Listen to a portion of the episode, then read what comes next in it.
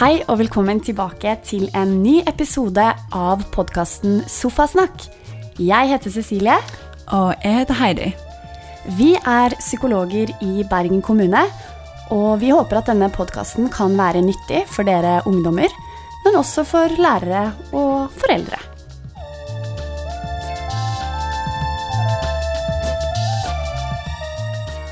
Cecilie, jeg lurte på, har du hatt noen eh, gode opplevelser med en lærer som du kan fortelle med deg? Jeg har eh, hatt flere gode lærere, Heidi, og eh, hvis jeg skal velge ut én det, det er vanskelig, men jeg, jeg, tenker på en lærer som jeg hadde i biologi, og han Han trodde på meg da jeg ikke gjorde det. Jeg husker veldig godt en, en eksamen, faktisk, hvor jeg skulle presentere øret, av alle ting. Forklare hvordan øret fungerer. Eh, og dette hadde jeg øvd på, eh, men jeg mistet alt. Jeg, jeg, klarte ikke å huske noen ting. Og så sa han til meg Dette vet jeg at du kan. Du har fortalt meg litt om dette før. Bare ta det med helt med ro. Vi bruker tid, og så prøver du igjen. Og det var det jeg trengte å høre. At han hadde troen på meg. Og så kunne jeg ikke si alt perfekt, men bare det at jeg klarte å hente meg inn igjen, det var jo fordi at han ga meg tid og tro på at dette her kunne jeg få til. Dagens episode den er til dere lærere, og den handler om hvorfor læreren er så viktig. Dette er òg en episode som jeg oppfordrer ungdom og foreldre og andre til å høre på, men den er da spesielt laget til dere lærere. Eh, en ting vi vet, er at eh, for mange barn og unge så er læreren en av de viktigste personene i oppveksten. Og det handler ikke bare om det å lære fag, men det å kunne se opp til, eller i hvert fall se en annen voksen, og se hvordan de håndterer ulike følelser, og hvordan de også kan være til stede og heie eh, på oss eller ungdommen når de prøver å lære seg noe nytt, det er viktig. Og skolen er jo en arena der man kan bli sett og hørt av trygge voksne.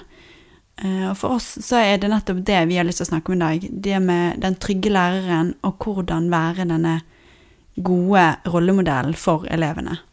Jeg blir eh, ofte inspirert av gode lærere, og det er mange av dere. Eh, en skole som jeg har jobbet med, gjør noe veldig fint på starten av skoleåret. Der inviterer lærerne ungdommene én og én, faktisk, ut på gangen. De blir godt forberedt på hva som skal skje, og det de skal gjøre, er å egentlig snakke om alt annet enn fag.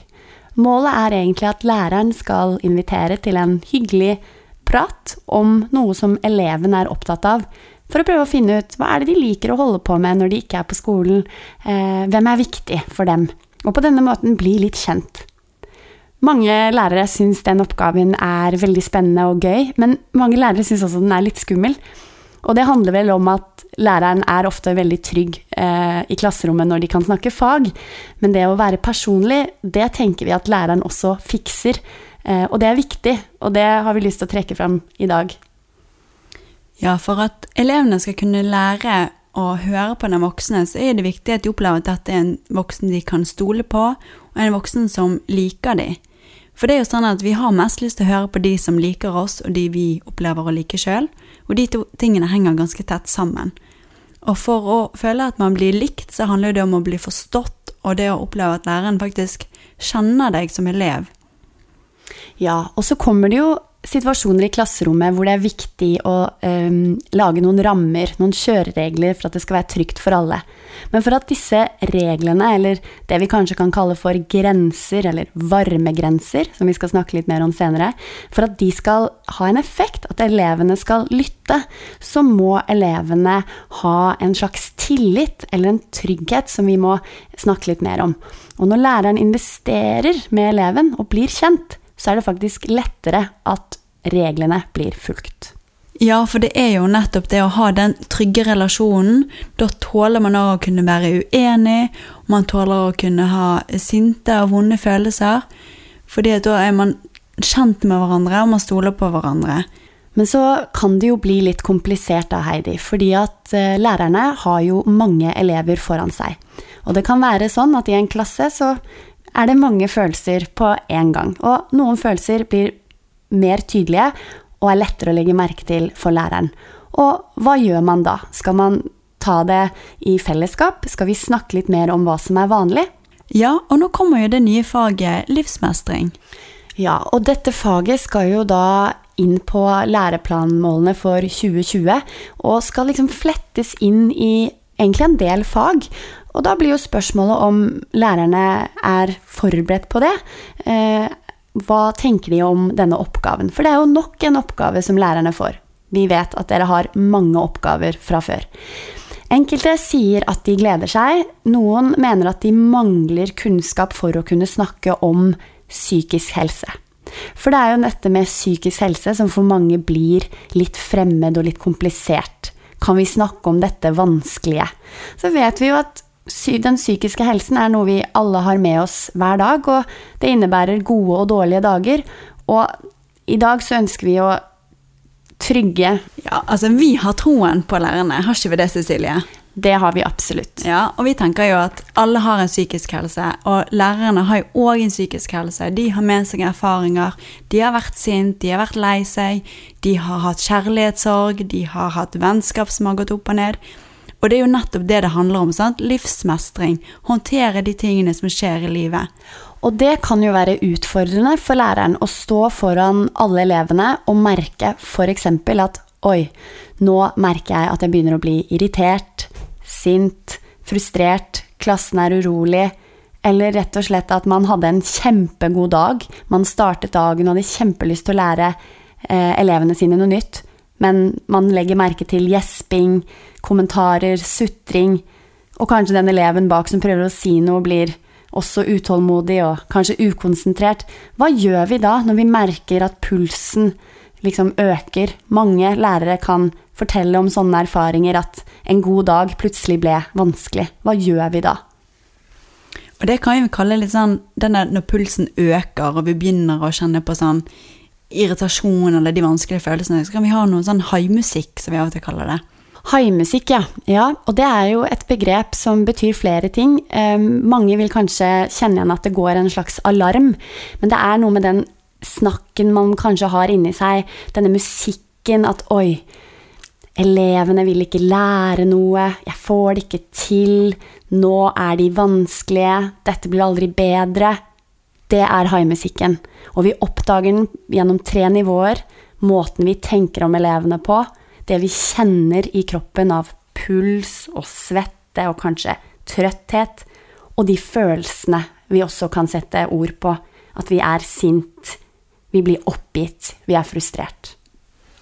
Og det er jo veldig naturlig, sant. Når vi blir usikre eller overveldet, så kommer det behovet for å ta kontroll.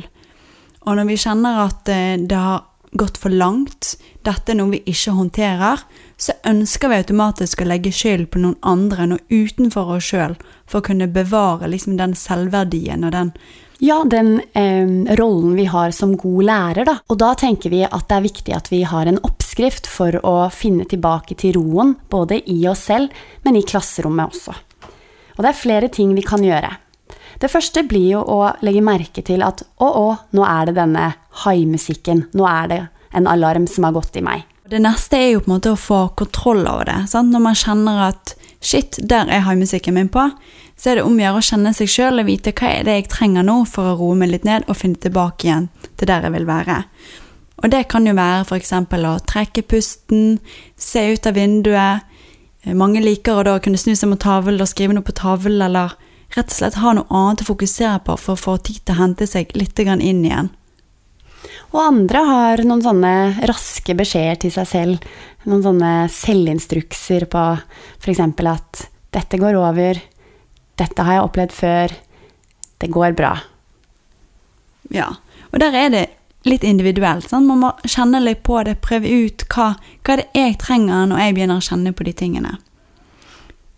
Ja, og så er det jo viktig å tenke litt over hva man har sagt til elevene, eh, hvis man har eh, ja, på en måte satt ord på noen av de tankene som haimusikken har med seg. Eh, en del av denne haimusikken er jo som sagt at vi kan tillegge roller til elevene, at åh, det er problembarnet, og han er så alltid vanskelig og sånne ting. Og da bør vi prøve å finne en eller annen måte å se den eleven på. Kan jeg prøve å forstå han innifra, på en måte? Kan jeg prøve å få kontakt med noe i han som jeg kan ha medfølelse for? Kanskje han er urolig i dag fordi at han ble litt skremt eh, når han så meg ta kontroll, eh, heve stemmen. Eh, at jeg så litt oppgitt ut, kanskje. At han var litt redd for at jeg skulle ikke like han mer. Så kanskje jeg må jobbe litt med Ok, hva er det jeg liker med denne eleven igjen? Og når jeg får kontakt med det, så kanskje det er enklere å begynne på nytt igjen. Vi må jo anerkjenne at det å skulle stå i et klasserom med kanskje noen og 30 elever, og det å skulle kunne regulere seg sjøl og ta vare på de, det er krevende. Og det krever øving. Og eh, vi kommer til å ha flere episoder der vi tar opp nettopp dette med regulering av følelser. Og vi bruker noe som heter toleransevinduet, så vi kommer til å gå litt mer inn på i en annen episode. Det handler nettopp om det å regulere følelser hos seg sjøl og andre, og det å finne tilbake igjen til roen når vi har kommet litt ut av balansen. Noe av det fineste i jobben som skolepsykolog, Heidi, det syns jeg er å høre alle de fine tingene som elevene har å si om lærerne sine. Men jeg tror ikke at lærerne får det med seg alltid. Så da er det vel kanskje vår jobb, da, å si nettopp det. At uh, dere er viktige. Dere får til mye. Og vi heier på dere, vi også.